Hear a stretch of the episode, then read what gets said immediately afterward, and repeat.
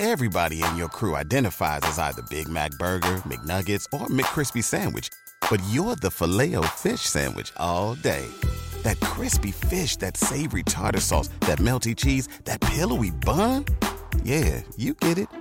Every time. And if you love the filet of fish, right now you can catch two of the classics you love for just $6. Limited time only. Price and participation may vary. Cannot be combined with any other offer. Single item at regular price. Ba da ba ba ba. U luistert naar Beet Avat Torah, het internetkanaal van Robert Veen voor de studie van Tenach en de rabbijnse traditie.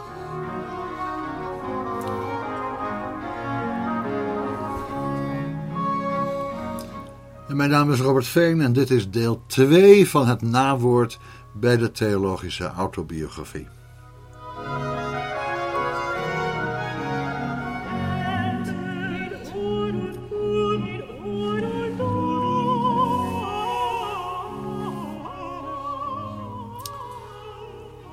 Ja, verschillende delen theologische autobiografie gemaakt. Om iets vast te leggen dus van, uh, van laten we zeggen, mijn reis. Uh, de reis die ik gemaakt heb vanaf, uh, nou ja, van de vergadering af naar de doopsgezinde, de doopsgezinde broederschap, van de broederschap naar de protestantse kerk in Nederland, vandaar naar de Verenigde Protestantse Kerk in België. En na een kort verblijf in de vergadering nu weer in, in Annapolona. En bij de doopsters en de broederschap weer terug. Maar wel met een nou ja, heel ander geloof, een hele andere theologie dan destijds. Ik denk dat deze uitzending de moeilijkste is die ik ooit in mijn leven gemaakt heb. Ik heb er aardig wat gemaakt intussen. Ik heb ook niet verzuimd af en toe om heel persoonlijk over mezelf te spreken. Zonder dat ik dat nou uit ijdelheid uh, wilde doen, daar ging het me niet om, maar wel omdat je deze dingen niet zonder emotie, zonder persoonlijke betrokkenheid kunt bespreken.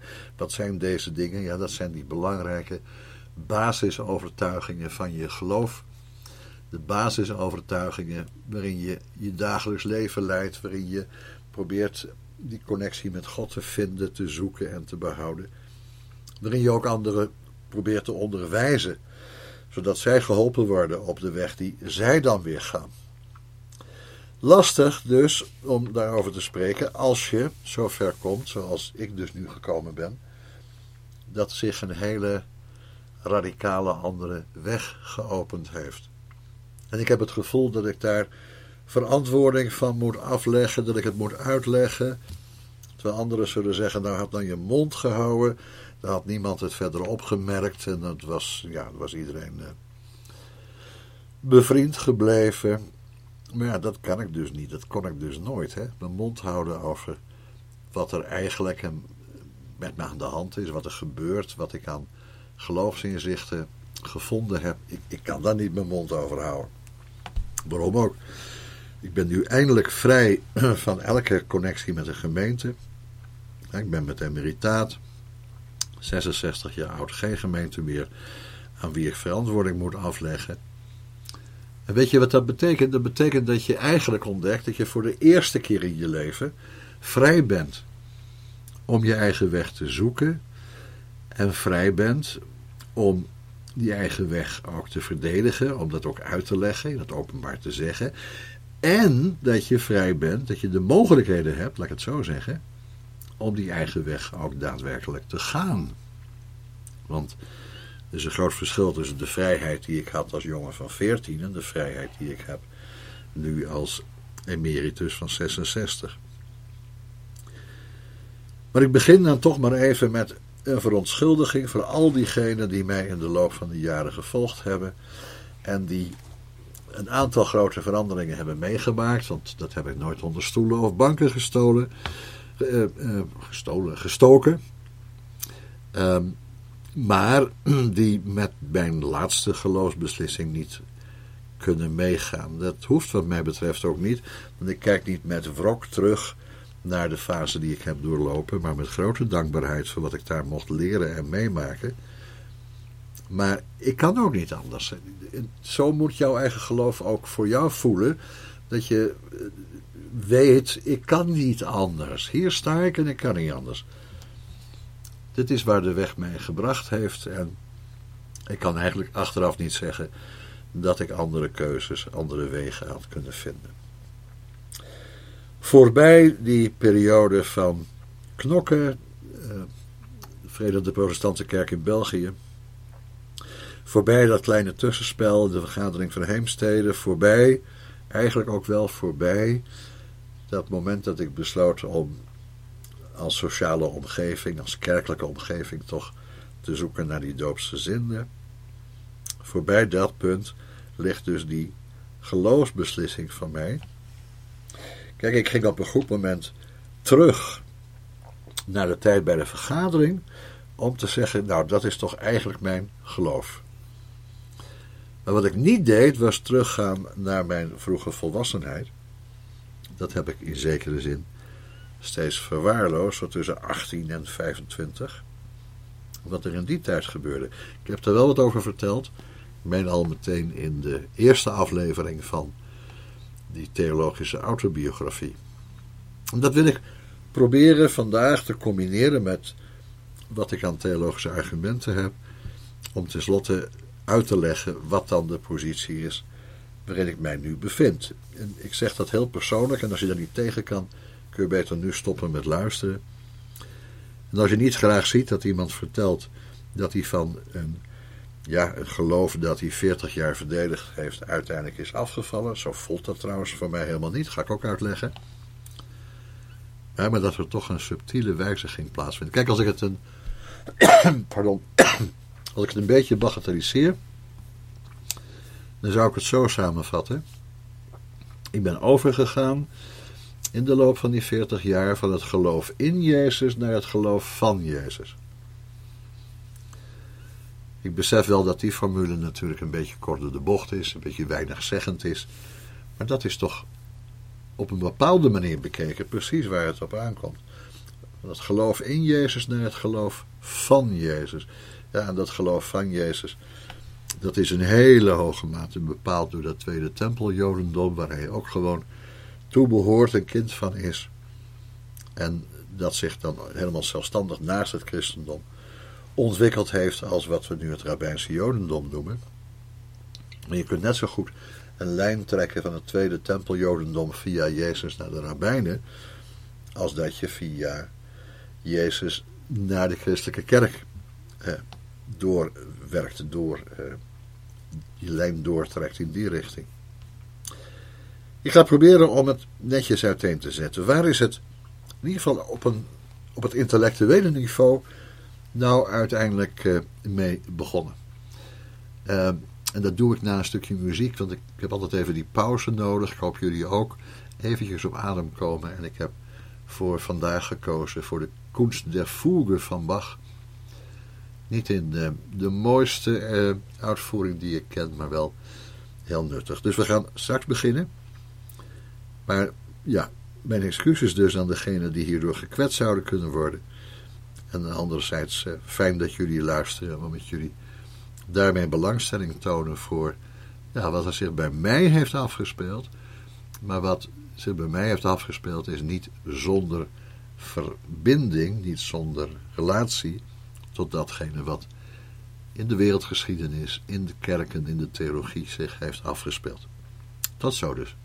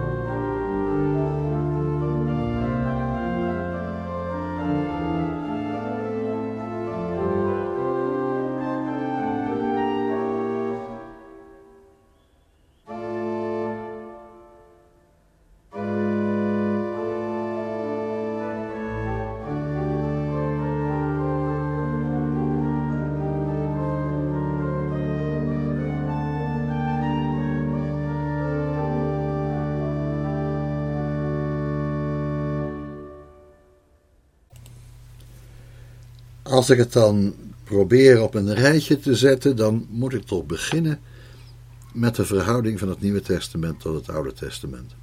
En ik besef dat dat een hele formele zaak is, maar het speelt wel een grote rol.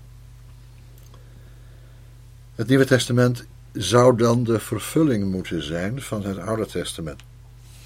Het Oude Testament zou dan het boek van de verwachting moeten zijn. En het Nieuwe Testament het boek van de invulling, de vervulling van alle beloften van het Oude Testament. En dan blijkt eigenlijk keer op keer, en ik zal dat nu niet in detail natuurlijk bespreken, dan blijkt keer op keer dat het Nieuwe Testament, het Oude Testament, uit verband citeert, er een uh, draai aan geeft die haak staat op de letterlijke betekenis van de tekst. En dat laatste is van belang. Kijk, als het Nieuwe Testament het Oude Testament citeert om er een bepaalde gevolgtrekking aan te verbinden die voorbij de letterlijke betekenis gaat, dan noemen we dat gewoon midrash. Dat kennen we ook uit de rabbijnse literatuur. Maar als de pointe van het citaat nou juist tegen, tegen de strekking van het Oude Testament ingaat, dus onverenigbaar is met wat in het Jodendom dan de peshat genoemd wordt, de letterlijke oppervlakkige betekenis. Misschien hetzelfde als wat Calvijn de historisch-grammaticale betekenis noemde. Dan hebben we met een probleem te maken. Want ja, je kunt toch niet zomaar, eh, laten we zeggen, Mozes tegenspreken. Je kunt hem wel eh, uitbreiden. Je kunt een soort expansie op hem uitvoeren, zodat de woorden die aan Mozes worden toegeschreven als ware een ruimere toepassing krijgen. Dat, dat kan. Maar wat niet kan, is ja, het zo uitleggen dat het zich helemaal tegen de strekking van de oud-testamentische tekst keert. Ja, en dat zijn natuurlijk een, een, behoorlijk aantal voorbeelden in het Nieuwe Testament waar dat in feite gebeurt.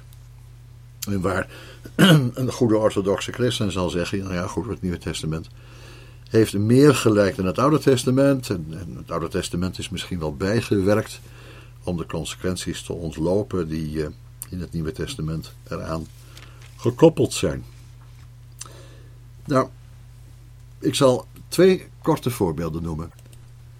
Het eerste voorbeeld komt uit de brief aan de Romeinen van Paulus. Romeinen 10, vers 4. Want het einddoel van de wet is Christus, tot gerechtigheid voor ieder die gelooft. Want Mozes schrijft over de gerechtigheid die uit de wet is. De mens die deze dingen gedaan heeft, zal daardoor leven. Ja, pas op, als Mozes dat gezegd heeft, dan moet je toch wel van hele goede huis komen om te zeggen dat dat niet klopt, dat dat niet waar is. En dan vers 6, dus de oppositie tussen Mozes en iets anders. Let dus wel dat het Oude Testament zelf duidelijk maakt dat als een profeet zou optreden die rechtstreeks dan de woorden van Mozes tegenspreekt, dat die profeet eigenlijk alleen maar aan het woord kan komen omdat Mozes dat zo geboden heeft. He, Mozes heeft gezegd als een profeet optreedt en wonderen doet, luister dan naar hem, maar zodra hij oproept tot afgoderij of tot afvalligheid, mag je hem niet verder volgen. Dus dat is heel paradoxaal dat een profeet zich tegen Mozes zou keren, omdat ja, een profeet alleen maar eh, gehoord kan worden op grond van wat Mozes geboden heeft. Maar goed, vers 6, de gerechtigheid echter die uit het geloof is, spreekt al dus. Zeg niet in uw hart wie zal naar de hemel opklimmen. Zeg niet in uw hart wie zal naar de hemel opklimmen. Het tweede deel van het citaat in het volgende vers. Of wie zal in de afgrond neerdalen? maar wat zegt zij? Wat zegt de wet? Dicht bij u is het woord in uw mond en in uw hart om het te doen. Dat is weggelaten door Paulus. In je woord en in uw hart om het te doen. Het is immers een citaat uit, uh, ik dacht Leviticus 18, laten we daar maar even naar kijken. En dan zie je dat contrast opkomen. Leviticus 18. Ehm, dat is in ieder geval het citaat van het begin. Bij verordeningen en bij bepalingen moet u in acht nemen. De mens die ze houdt zal er doorleven. Dat is het leven hier en nu. En niet dus eh, de gerechtigheid die uit de wet is. Maar uh, het, dus het volgende citaat komt uit Deuteronomium 30. Deuteronomium 30. En daar lees je dus dit gedeelte, Deuteronomium 30, vers 11. Want dit gebod dat ik u heden gebied is niet te moeilijk voor u en het is niet ver weg. Nou, dat alleen al is een weerlegging van allerlei uitspraken uit het Nieuwe Testament. Ook uit het prediking van Petrus trouwens in Handelingen. Uh, want daar wordt gezegd, je moet de heidenen die Torah niet opleggen, die wet niet opleggen, want die hebben wij en onze vaderen ook niet kunnen houden. Maar hier zegt Mozes toch, want dit gebod dat ik u heden gebied is niet te moeilijk voor u en het is niet ver weg. En dan komt het stukje wat Paulus citeert, het is niet in de hemel, zodat u zou kunnen zeggen, wie zal voor ons naar de hemel opstijgen, om het voor ons te halen en ons te laten horen, zodat wij het kunnen doen. De Torah is niet in de hemel, hij is hier op aarde. Dat wil zeggen dat eh, mensen die Torah moeten begrijpen en toepassen en uitleggen. Maar wat, eh, wat maakt Paulus daarvan? Zegt niet in uw hart wie zal naar de hemel opklimmen, dan laat hij de rest dus weg en dan laat de context weg. Context is volkomen verdwenen. Want het gaat er dus om dat je die Torah niet hoeft te zoeken in de hemel, zodat het daar als een soort absoluut uh, gebod gaat gelden, maar het is, het is op aarde, zodat je daar, precies zoals de rabbijnen dat ook doen, op een menselijke wijze, naar menselijke maat mee kunt omgaan. En dan zegt Paulus, dat is Christus naar beneden brengen. Wat bedoelt hij daarmee? Dus je moet niet in je hart zeggen wie ze naar de hemel opklimmen, want naar de hemel opklimmen, dat is Christus naar beneden brengen. Dat is Christus, zeg maar, in de dood brengen. Dus wie naar de hemel probeert op te klimmen, die laat in feite Christus neerdalen. En denk ik dat bedoeld is neerdalen in de dood. Dat heeft helemaal niets te maken met de tekst van Deuteronomium 30, die bovendien dus heel defectief geciteerd wordt, heel gedeeltelijk geciteerd wordt. Nee, het gaat erom, je hoeft niet in de hemel te zijn, een engel te zijn, om de Torah te kunnen horen, zodat je die ook kunt doen. Heel belangrijk dat weggelaten wordt, wat Deuteronomium dus zegt, zodat wij het kunnen doen. Een tweede, wie zal in de afgrond neerdalen? Nee, wie zal voor ons oversteken naar de overzijde van de zee? Hoe hij komt aan die afgrond, dat kan te maken hebben met de Septuaginta-versie enzovoort. Um, maar daar wil ik me nou even niet mee bezighouden. Het is in ieder geval geen citaat uit het Hebreeuwse Oude Testament. En dan zegt Paulus in vers 7 van de Romeinen 10: dat is Christus uit de doden naar boven brengen. We hoeven die Torah dus ook niet te halen uit, nou ja, de dood van de Messias Jezus. We hoeven hem niet zelf als het ware een opstanding te geven. Um, dus in Paulus' versie van dat vers gaat het erom. Um, Christus is naar beneden gekomen. Maar daar hoeven we, we hoeven dus niet te gaan naar waar hij vandaan komt. En Christus is in de afgrond neergedaald. Dat hoeft niet, want Christus komt uit de doden naar boven. Dus hij daalt af en hij eh, komt op uit de doden om die Torah, zou je dan mogen zeggen, die Torah dus dichtbij te brengen. Want dat is wat vers 8 dan citeert. Maar wat zegt zij? Dicht bij u is het woord in uw mond en in uw hart. Dus het is dichtbij. God wil zijn Torah niet ver van mensen houden. Daarom spreekt hij in de Torah ook mensentaal. Het is in je mond, dat wil zeggen, je spreekt het, je zegt het. We die Bartabam, je zult het ook spreken, Deuteronomium 6. En in je hart. Want alleen als het in het hart is, kan het ook gedaan worden. Uiteindelijk zegt ook Deuteronomium 28 en Deuteronomium 30. De Heer uw God zal uw hart en het hart van uw nageslacht besnijden om de Heer uw God lief te hebben. Dus dat woord is in het hart. Heel belangrijk, dat is de Torah die in het hart is. Dicht bij u is het woord in uw mond en in uw hart. En dan zegt Paulus, dat is het woord van het geloof dat wij prediken. Nee, dat is het dus helemaal niet.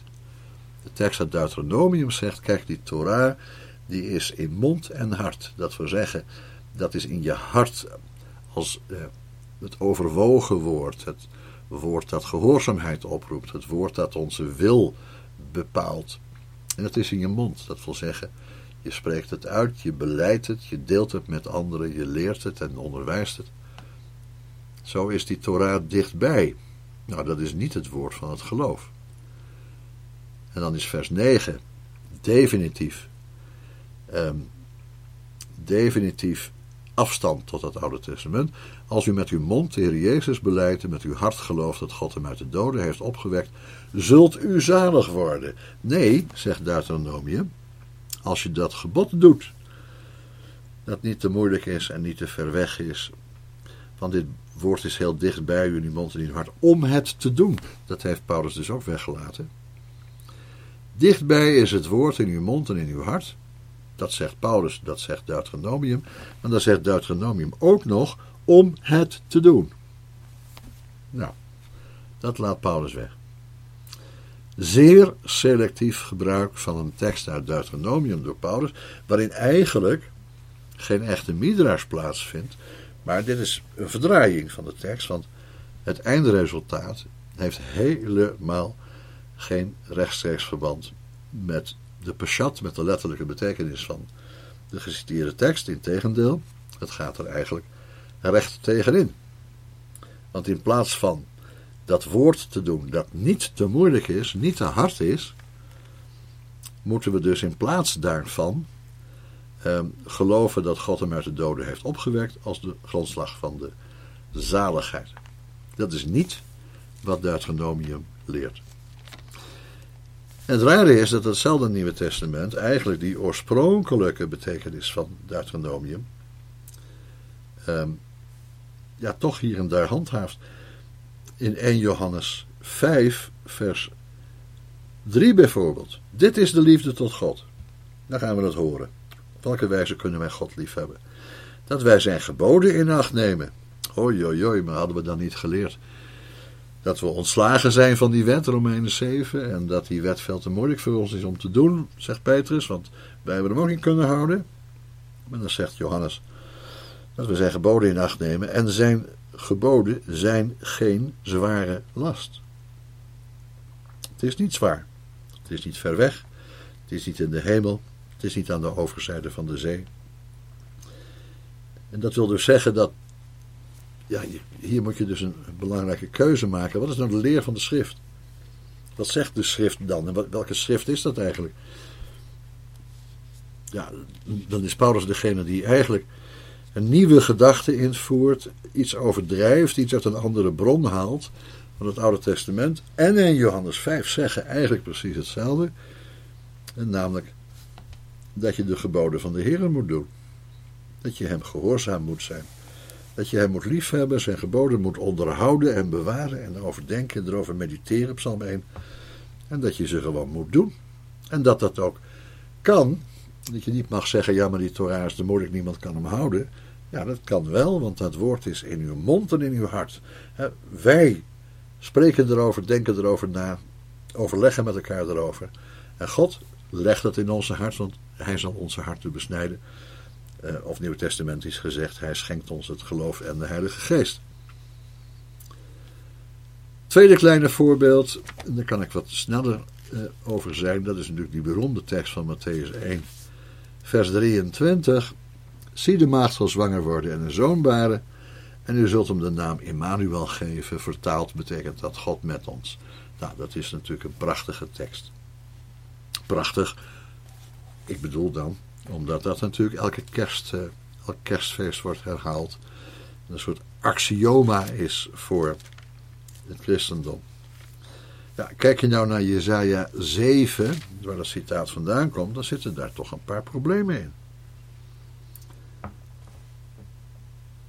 En dan zeg ik toch niks over de realiteit waar Matthäus het over heeft. Ik zeg alleen maar iets over zijn citaat. Jezaja 7 vers 14. Daarom zal de Heere zelf u, hij zal u, de koning die daar staat, Agas, u een teken geven. Want Agas is onwillig om te geloven. En daarom zoekt hij een vriendschap en een verbond met Assur. En daarmee brengt hij Israël in gevaar. Daarom zal de Heere zelf u een teken geven. En dan staat er: zie, de maagd zal zwanger worden. Ja, maar daar had normaal gesproken moeten staan: een maagd. Dat is dan een teken. Er komt een maagd die zal zwanger worden. Nee, er staat de maagd. Ja, en dan moet je weten, iets eigenaardigs van het Hebreeuws, dat als het Hebreeuws het bepaald lidwoord gebruikt, dat dat zeer regelmatig de kracht kan hebben van ehm, het aanwijzend voornaamwoord. Deze, dit. Door het te bepalen met het bepaald lidwoord wordt gesuggereerd dat degene die is toegesproken weet waarover het gaat of over wie het gaat. Dus als er staat de maagd zal zwanger worden, betekent dat waarschijnlijk zoiets als hè, deze jonge vrouw die jullie hier voor je zien staan. Deze maagd, deze jonge vrouw staat er trouwens. Ook de Septuaginta weet dat, die vertalen met meisje. En maagd in technische zin is dus niet bedoeld. Het is een jonge eh, vrouw, misschien een jonge ongetrouwde vrouw, kan ook een jonge getrouwde vrouw zijn. Kan ook een vrouw zijn die nog geen kind heeft gekregen, maar wel getrouwd is. Maar dan staat er, zij zal een zoon baren en hem de naam Immanuel geven. Nou, wie is dat dan? Er staan hier allemaal hoofdletters. Zij zal een zoon baren en hem de naam Immanuel geven. Welke zoon is dat? Dat is een zoon van Agas. Dat is Hiskia. Die is er al. Die zoon is er al. Dit is geen profetie van de toekomst, maar dit is een aankondiging van Jezaja tegen Agas. Uh, Agas, jouw vrouw gaat een kind krijgen. En die gaat de naam Immanuel krijgen. En dat is het teken dat uh, het uiteindelijk goed met je gaat. Uiteindelijk zal Assyrië wel komen enzovoort, maar voorlopig gaat het nog wel goed. Komst van die jongen is, uh, is het teken. En als die jongen nou eenmaal in staat is om tussen goed en kwaad te kiezen, als hij 13 jaar is, nou ja, dat is het teken dus van de ondergang van het land. Het land zal verlaten zijn, vers 16, namelijk het land van de twee koningen voor wie u in angst verkeert. Dus eigenlijk is het helemaal geen positief teken, de komst van deze zoon, eh, zoon Hiskia. Dus ja. De context, het bepaald lidwoord, ehm, de rol van Hiskia betekent dat deze profetie is gewoon vervuld. Wat zegt Matthäus echter? Zie, de maagd zal zwanger worden en een zoon baren en u zult hem de naam Emmanuel geven. Ja, maar dat is toch helemaal buiten de context van het boekje Jezaja. En dat zie je dus heel vaak, dat de citaten uit het Nieuwe Testament, de citaten van het Oude Testament in het Nieuwe Testament, eigenlijk helemaal niks te maken hebben met de oorspronkelijke betekenis daarvan. En er is een uh, belangrijke regel in het Jodendom. Hoe gaat die ook alweer precies? Um, want is, dit is in ieder geval de vertaling. Er is geen uitleg van de schrift die de letterlijke basisbetekenis, de peshat, te boven kan gaan. Zo simpel is het. En dan zie je in het Nieuwe Testament dat dat eigenlijk voortdurend gebeurt op een manier die je dus niet kunt gelijkstellen aan, eh, aan een midrash, omdat hij altijd zijn basis blijft houden in de peshat, in de letterlijke betekenis. Ja, en ik denk dat dat iets zegt over de status van het Nieuwe Testament over de manier van denken van de apostelen. En dat je erg moet eh, opletten dat je met het Nieuwe Testament wegloopt, terwijl het dat geopenbaarde woord van God in het Oude Testament zo in ernstige mate tegenspreekt.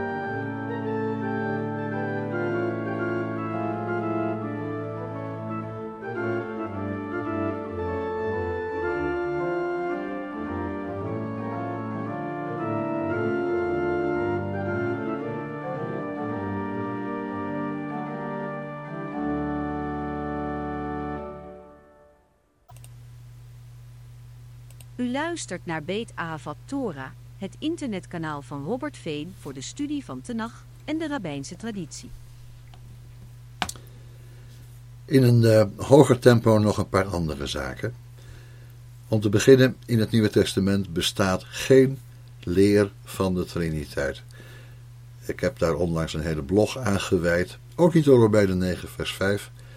Um, God te prijzen tot in eeuwigheid, dat betekent niet dat dat aan Jezus wordt toegekend. Zeker niet in dat zogenaamde comma Johanneum en Johannes 5 vers 7. Drie zijn, drie zijn er die getuigen in de hemel. Um, het water, het woord en de, het bloed en het uh, woord en de heilige geest was het weer. Gelukkig ben ik het vergeten zou ik bijna zeggen. Maar uh, dat comma Johanneum is nou juist toegevoegd is juist toegevoegd. Drie zijn er die getuigen in de hemel. Oh ja, de Vader, het Woord en de Heilige Geest. En deze drie zijn één. Ja, dat is juist toegevoegd omdat de rest van het Nieuwe Testament die Triniteit helemaal niet leerde. Nou, als er geen doctrine van de Triniteit is, dan valt het grootste deel van de orthodoxe christelijke theologie natuurlijk weg, want dat is gebaseerd op dat trinitarische schema. Ten derde, het Nieuw Testamentisch getuigenis is geheel afhankelijk van de opstanding. Zoals Paulus ook zegt in Romeinen 1, hè, die bewezen is te zijn. Um, ook dat ga ik even opzoeken. Hé, wat is er met mijn geheugen aan de hand? Vroeger zou ik die teksten heel makkelijk uit mijn hoofd geciteerd hebben. Maar het begint terug te lopen. Uh, wat de geest van heiliging betreft is hij met kracht bewezen te zijn de Zoon van God door zijn opstanding uit de doden. Dat is Romeinen 1, vers 4. Bewezen te zijn Gods Zoon in kracht. Of met kracht bewezen te zijn de Zoon van God. Ja, en dan moet ik dus hier een beleidenis doen. Dit is echt een geloofsvraag. Hè? Geloof je in de opstanding van Jezus? Die natuurlijk wel geleerd wordt in het Nieuwe Testament. Daar ontkom je niet aan. 1 Korinthe 15. Ehm, de vraag is alleen of Jezus die op, opstanding op die wijze bedacht heeft zoals dat nu uh, wordt weergegeven. En de vraag is ook of we ons niet wat moeten aantrekken van dat enorm mythische karakter van het verhaal daarover. En dan bedoel ik dus niet de wijze waarop over getuigenissen worden gesproken. Dat is een zaak apart, daar heb ik eigenlijk best wel veel respect voor. Maar wat moet je nou met de mythische kant hiervan? Er is één plek waar je dat ontzettend goed merkt. Dat het Nieuwe Testament op bijna heidense wijze over deze dingen spreekt. En um, ja, dat is Johannes 21. Johannes 21. Um, ja. Daar vind je een ontmoeting van de discipelen met de opgestaande Heer. En Jezus zei tegen hen: Kom, gebruik de middagmaaltijd. En ze zagen een kolenvuur met, vis, vlees, met vis daarop liggen en brood. Jezus heeft een ontbijtje gemaakt voor de discipelen. En ik denk dat dat een aanwijzing is dat in ieder geval het Johannes-evangelie, wat op allerlei manieren heel erg sophisticated is, hè, dus heel nauwkeurig in zijn begrippen en terminologie, toch ook een enorme klap van de heidense uh, mythologie, heidense godenverhalen uh, gekregen heeft. En dan wordt het op deze manier voorgesteld dat Jezus aan de discipelen verschijnt. Dus niet in die bovenkamer, um, maar dat hij zich openbaart door een ontbijt te maken. Um, en ik hoor nog John MacArthur dan jubelen van nou, als, uh, als de, de schepper van hemel en aarde, als, als de, Heer Jezus een ontbijtje maakt, ja, dat moet het lekkerste ontbijt, ontbijt ooit geweest zijn. Wat om allerlei redenen natuurlijk een onzinnige uh, opmerking is. Ik geloof niet meer in de opstanding van Jezus uit de doden. Vierde punt. Het Nieuw-testamentisch getuigenis is dat van enkelingen. Later is dat getuigenis opgepoetst. En dan krijg je in de eerste Korinthebrief in het jaar 48 ongeveer. De, is er sprake van die 500 getuigen in Jeruzalem. En je hebt in Matthäus die merkwaardige tekst dat uh, allerlei heiligen uit hun graven komen. Apostel Paulus krijgt alles in visioenen te zien. Um, en dan worden ze getuigen van de opstanding. Het aardige is dat daar mensen getuigen van de opstanding worden die helemaal geen getuigen waren van de opstanding. Maar dat dat mensen zijn die de waarheid betuigen die ze zelf niet hebben meegemaakt. En dat vind ik heel veelzeggend. Dat christenen geacht worden getuigen van de opstanding te zijn, omdat ze betuigers zijn, maar niet omdat ze een echt inzicht hebben in die gebeurtenis. Heel anders bijvoorbeeld de uittocht uit Egypte, waar we met honderdduizenden, misschien wel meer dan een miljoen mensen te maken hebben, die dat allemaal van vader op zoon zijn gaan doorgeven, waarvan het relaas al op schrift was gesteld, nog voordat ze allemaal overleden waren, die getuigen. Dus iedereen had dat nog kunnen tegenspreken of corrigeren. Eh, dat is een veel uh, zwaarder, veel beter fundament dan uh, dat handjevol mensen die de opstanding hebben meegemaakt. Vijfde punt. Het Nieuw Testament vertoont wel sporen van Joods leven, maar heeft het belang ervan gaandeweg losgelaten. Ook dat is in strijd met de geest en de sfeer van het Oude Testament, met name van het boek Deuteronomium. Paulus kan dus aan de ene kant zeggen: de wet is heilig en rechtvaardig en goed. Hij kan zelf zeggen: Christus is het einddoel van de wet, dus niet het einde van de wet, maar het einddoel van de wet. Maar hij kan ook zeggen: hij is gestorven We zijn gestorven aan de wet, door de wet. En we worden niet gerechtvaardigd door werken van de wet. Eh, er is dus ook bij Paulus allerlei aanleiding gekomen om de wet te minimaliseren en te gaan minachten. Dan wil ik nog niet eens zeggen dat dat Paulus' doel is, of dat hij dat ook echt zo zegt, omdat je allerlei moderne theologen hebt, moderne exegeten hebt, eh, die juist eh, proberen om daar genuanceerd over te praten. En Paulus helemaal niet een antinomist willen noemen. En dus dat hij niet tegen de wet gericht is. Maar hij geeft wel aanleiding voor velen die hem misverstaan om die wet te minimaliseren. En hij spreekt daar bijvoorbeeld over door te zeggen: Ik ben door de wet aan de wet gestorven. Ik ben dus vrijgemaakt van die wet, hè, Romeinen 7. Zesde punt. Het Nieuwe Testament is duidelijk afhankelijk van Joodse gedachtegang. Maar draait die dan om in iets anders? Johannes 1 is een mooi voorbeeld. Dat gaat er over de Logos, dat wil zeggen over de Torah die licht en leven is. De Memrat Hashem is dat in het Aramees en dat was bekend uit de Aramese vertaling van Onkelos. De Memra is datgene waarin God zich openbaart en die heeft een semi-zelfstandigheid. Die, was, die is goddelijk, dat het woord van God. Dat het woord dat God spreekt, de Torah die God spreekt, is goddelijk, is God zelf in zijn uitdrukking. Maar het is ook onderscheiden van hem bij de Vader. En daar wordt in sommige handschriften van gemaakt. Als je dan verder leest in Johannes 1, de, ehm, de enige geboren God die in de schoot van de Vader is, die heeft hem geopenbaard.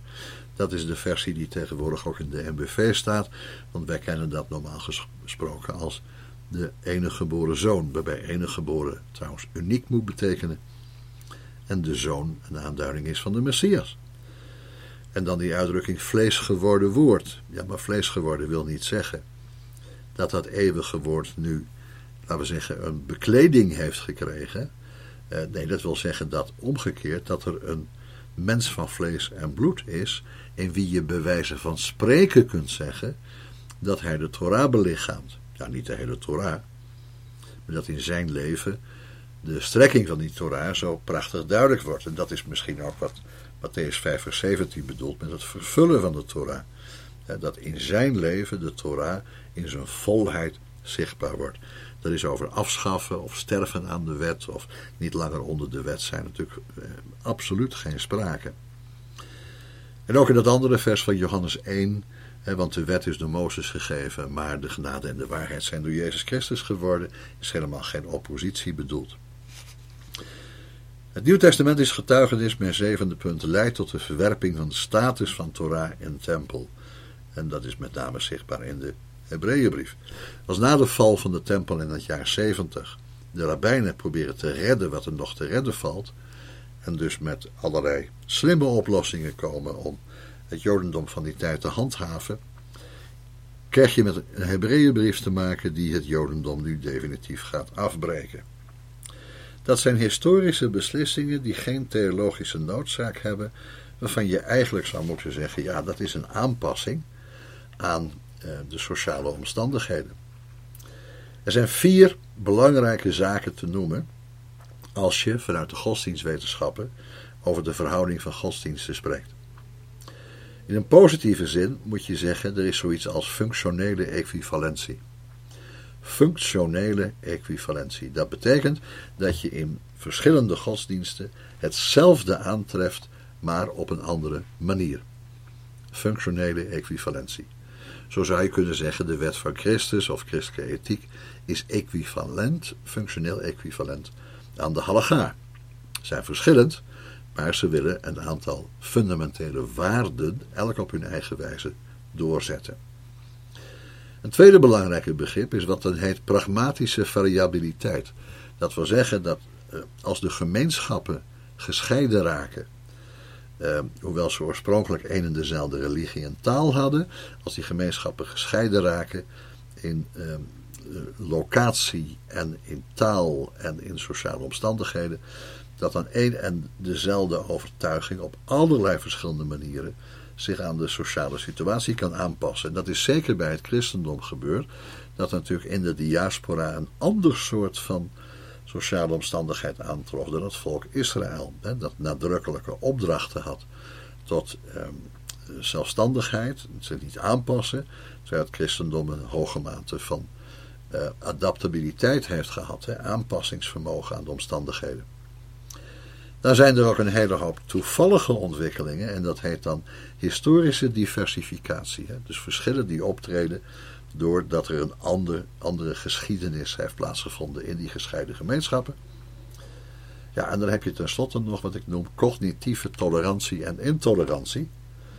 Dat wil zeggen dat er natuurlijk ook een intellectueel gesprek plaatsvindt tussen in dit geval christendom en jodendom. En dat het jodendom ehm, heel nadrukkelijk een, een orthopraxie is. Hè. Het gaat om het juiste handelen. Want daarin wordt echt uitgedrukt wie of wat een mens is. Daarin wordt zichtbaar wat de liefde tot God betekent. En dat het christendom omgekeerd dus een bepaaldheid van geloof eist. Een fundamentalistische houding in zekere zin, dat je de juiste beleidenis hebt. Dus indeterminacy of belief, dat is een term van Max Kadushin, staat dan tegenover dat fundamentalisme met zijn determinacy of belief.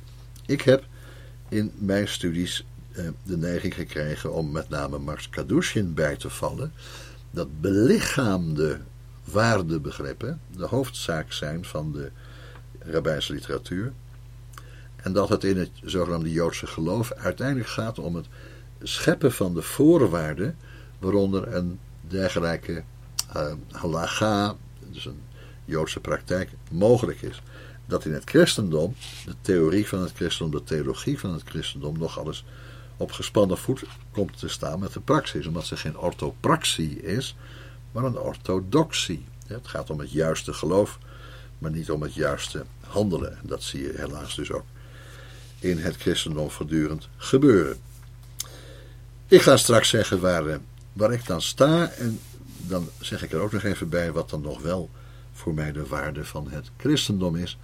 En ik zeg het nu maar even heel duidelijk: ik ben niet langer een christen.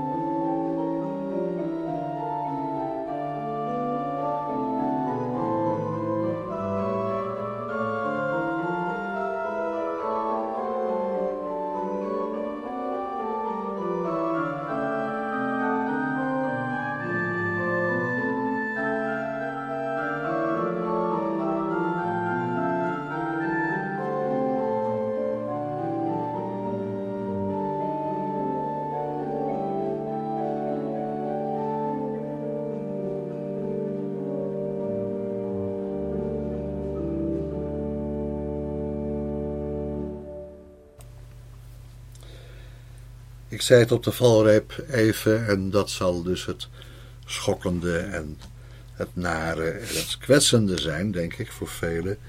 Maar ik beschouw mij niet langer als een christen. Maar in welke zin ben ik geen christen?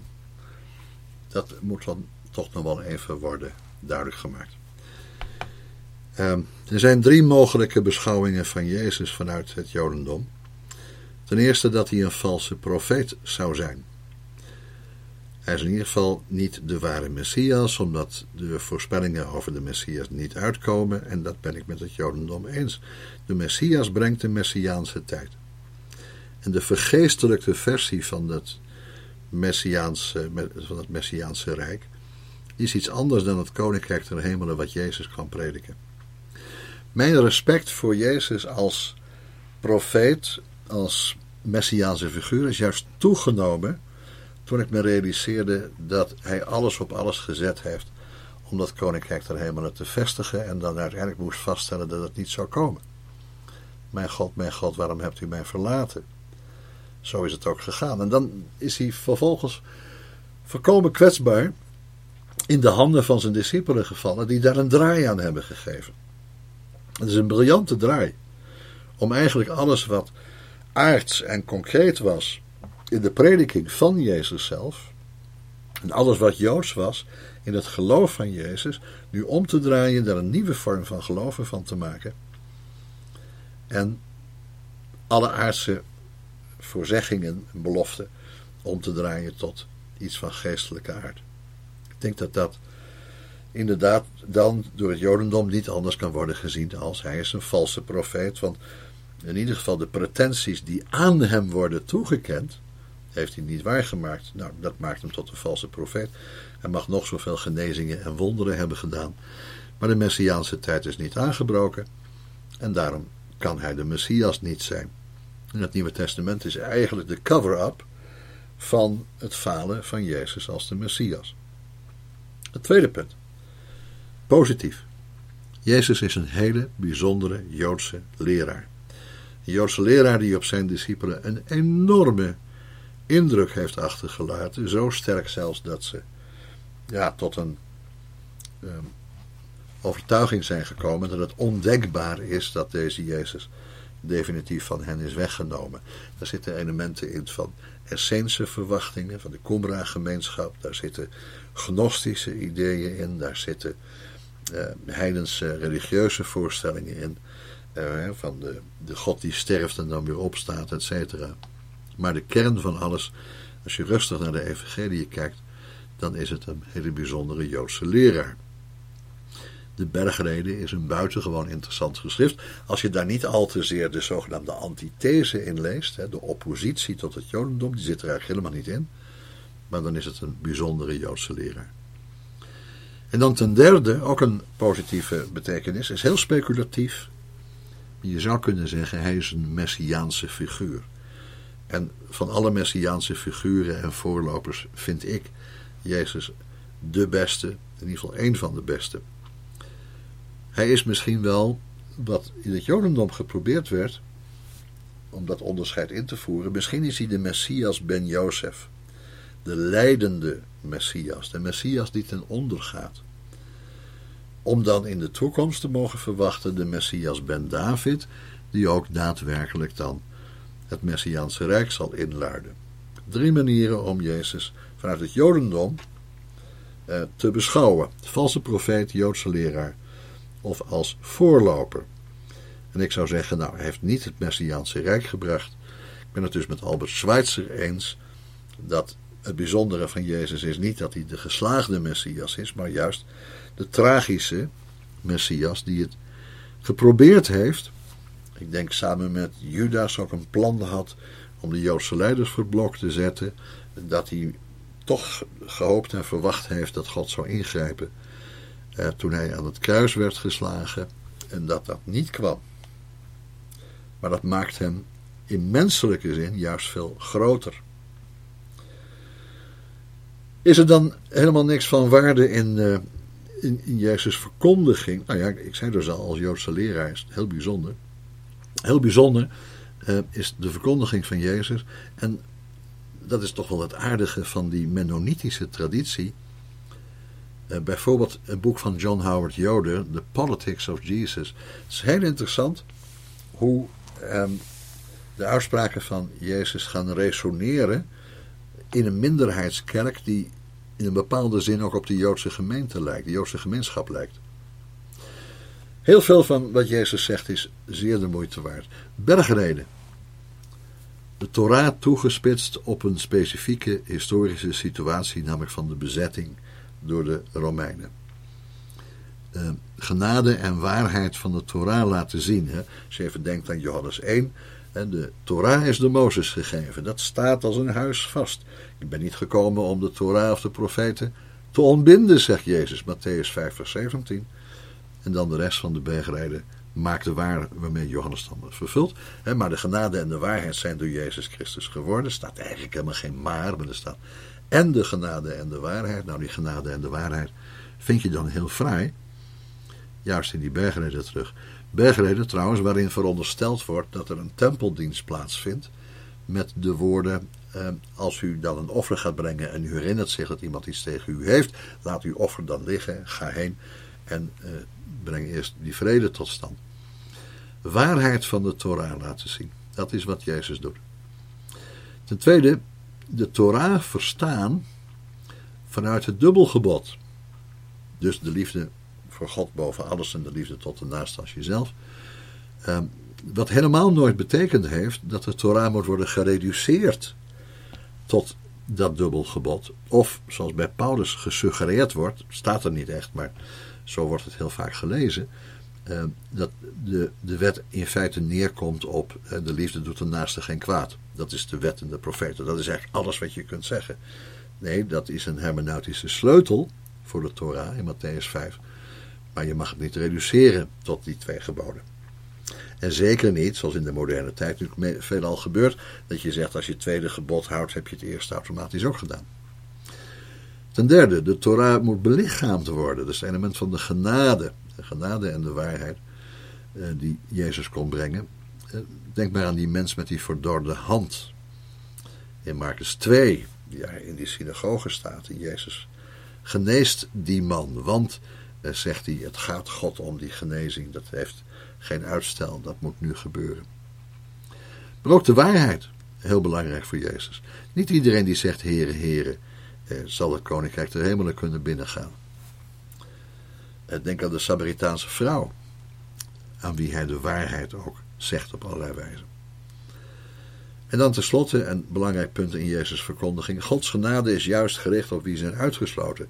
Dat de Fariseeën zich enorm bezighouden met de vraag: wie zijn nou binnengesloten en hoe houden we dat zuiver? Dus wie moeten we voortdurend buitensluiten?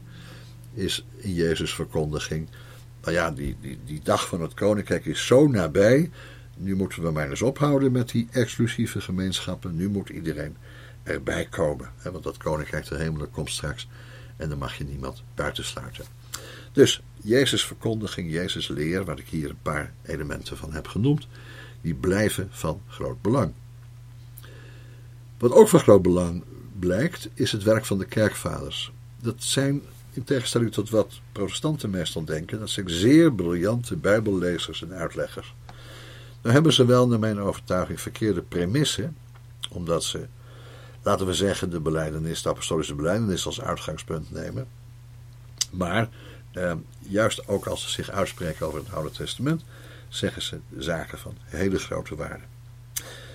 Wat mij het meeste tegenstaat, denk ik, in het christendom, nadat ik er heel lange tijd in gezeten heb, en ik heb daar voortdurend mee geworsteld, dat is een idee wat ik oppikte van de rabbijn Leo Beck, 19e eeuw, die zegt van kijk eens, bij Paulus begint het christendom de trekken van een romantische religie, noemt hij dat, aan te nemen, waardoor een enorme nadruk bestaat op de beleving en de ervaring. En denk maar aan het visioen van Paulus, waarop hij alles baseert. Denk maar aan de korte getuigenissen van de opstanding waarop men alles baseert.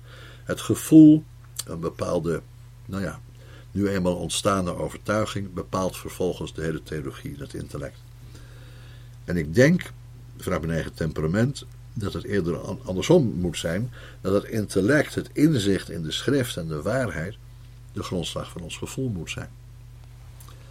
Derde punt. Wat is mooi aan het christendom? Nou ja, dat daardoor miljoenen mensen de God van Israël als de Vader en als de Schepper beleiden. En je kunt dat alleen maar zien als een voorbereiding op die Messiaanse tijd.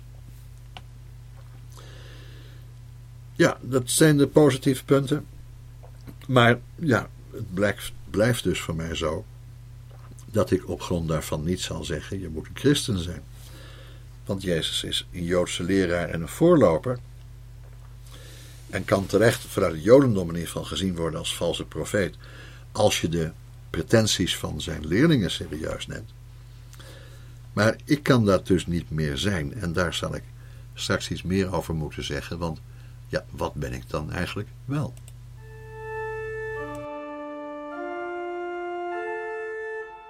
U luistert naar Beet Avat Torah, het internetkanaal van Robert Veen voor de studie van Tenach en de rabbijnse traditie.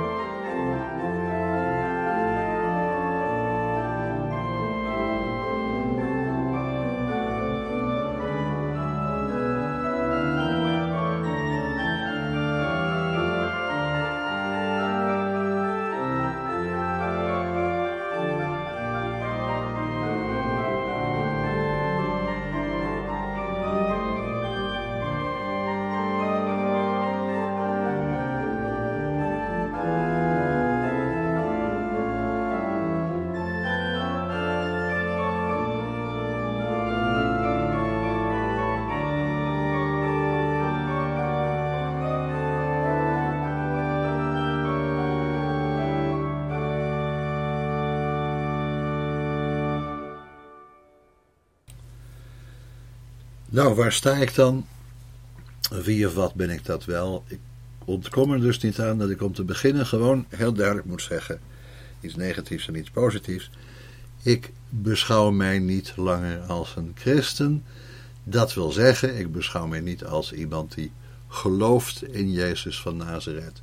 Als de Zoon van God die uit de hemel kwam om de zonde van de wereld te dragen, die geleden heeft onder Pontius Pilatus, is gekruisigd, gestorven en begraven, de derde dagen wederom opgestaan, enzovoort.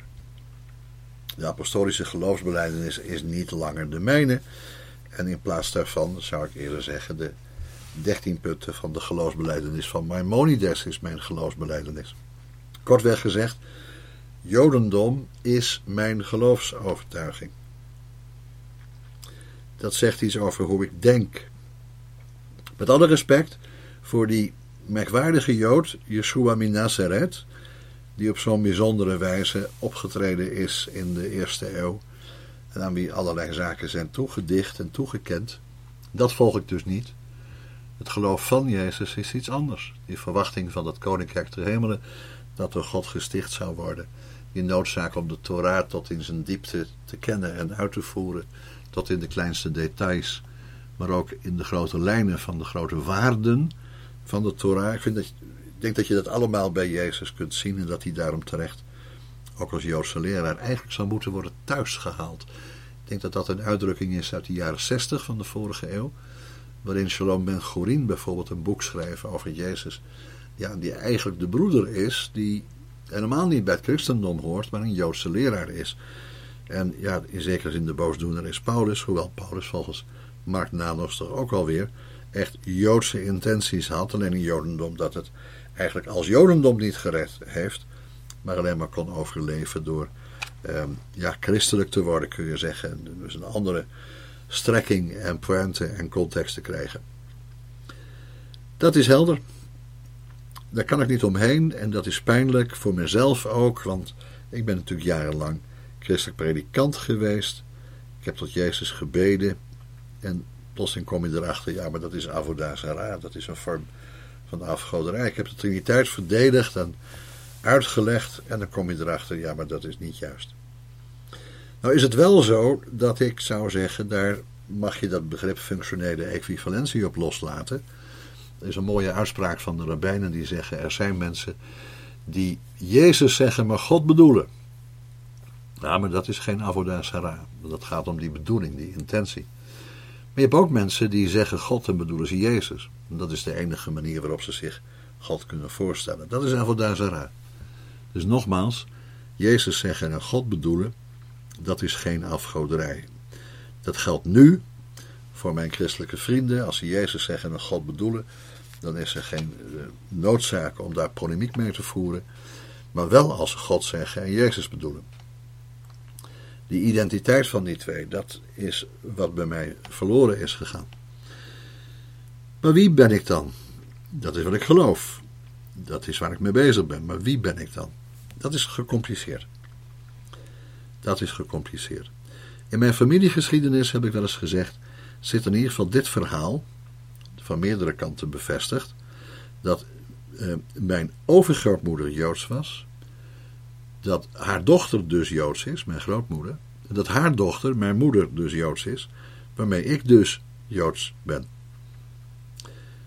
Dat telt niet zo, want mijn overgrootmoeder is dus eh, ofwel als kind al katholiek gedoopt, of is tot het katholicisme overgegaan. Zover reikt mijn kennis van die familietraditie niet. Ik kan het mijn grootmoeder ook niet meer vragen, mijn moeder ook niet meer. Dat is ook voor mijzelf niet doorslaggevend, want er zijn meerdere manieren om over je Joods zijn te spreken.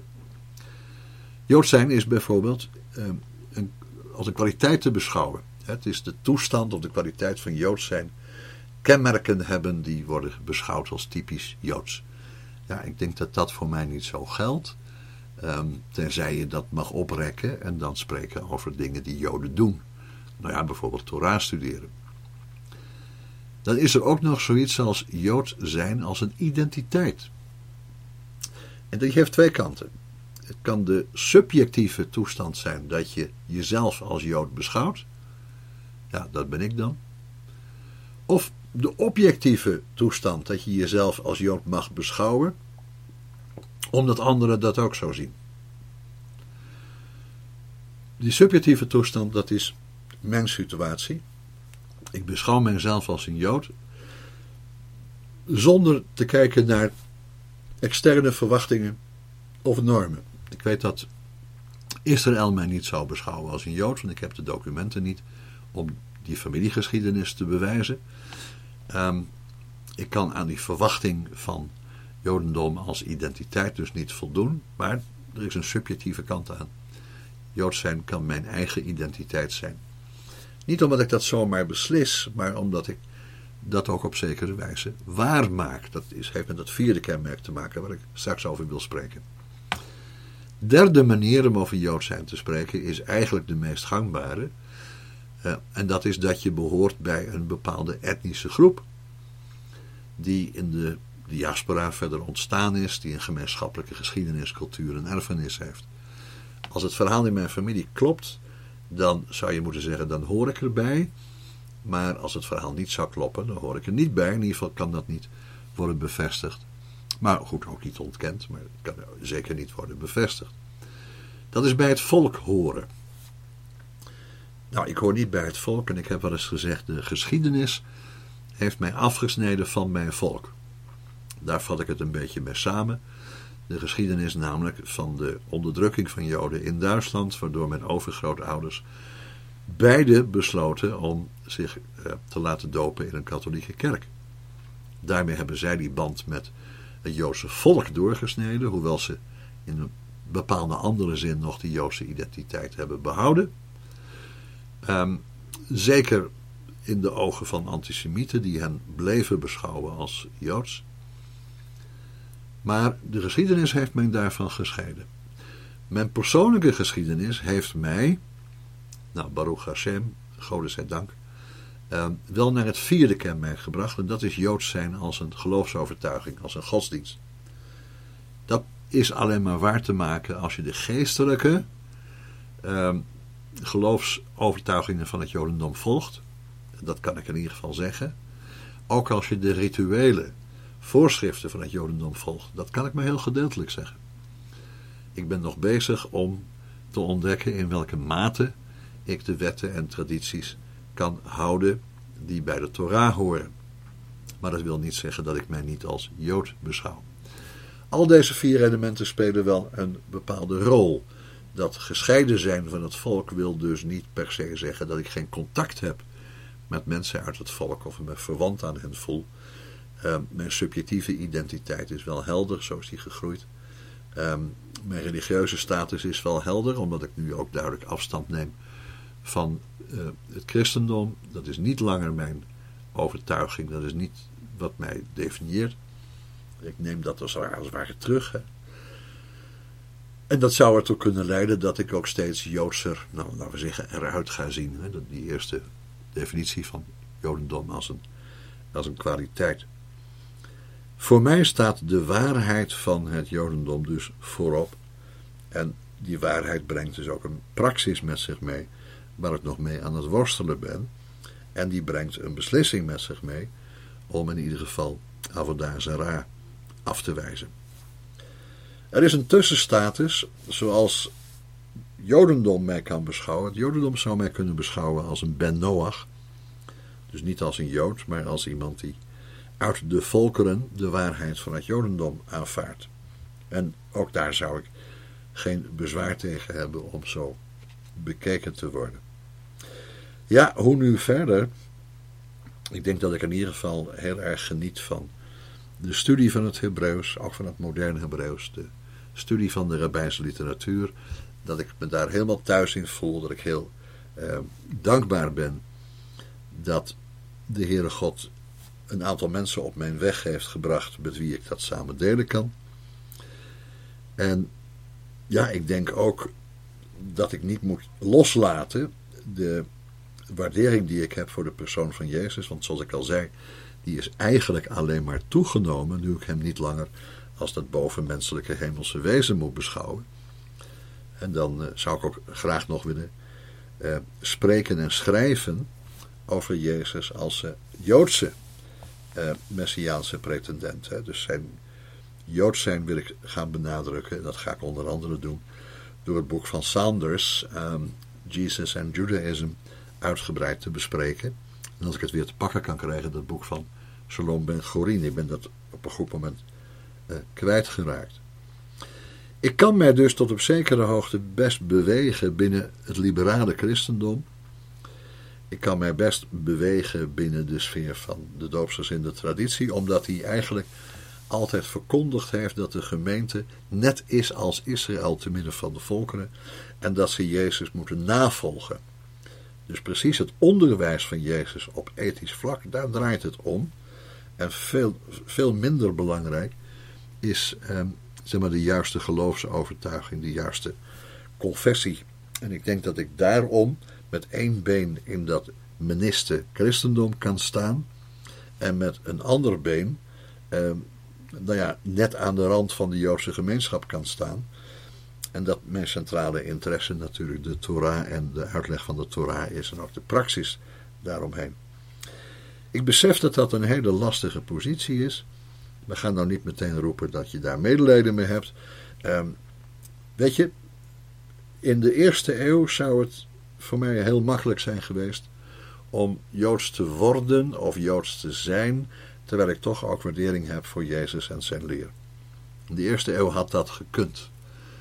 Maar het is onmogelijk geworden om beide te zijn in de loop van de derde eeuw. Dat is niet mijn schuld, maar dat is zo ontstaan. En in de huidige tijd moet je een duidelijke keuze maken. Je bent christen of je bent jood.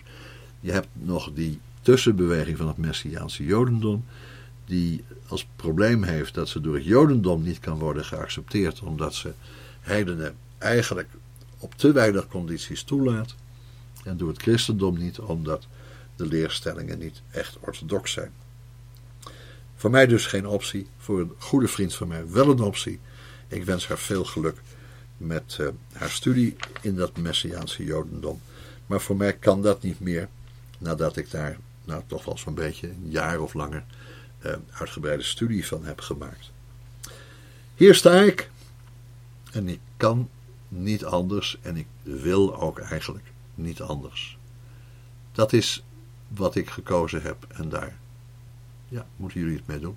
U hebt geluisterd naar een uitzending van Koinonia Live, het internetkanaal voor de studie van Gods Woord. Ga naar koinoniabijbelstudie.nl voor meer video en audio. Graag tot ziens.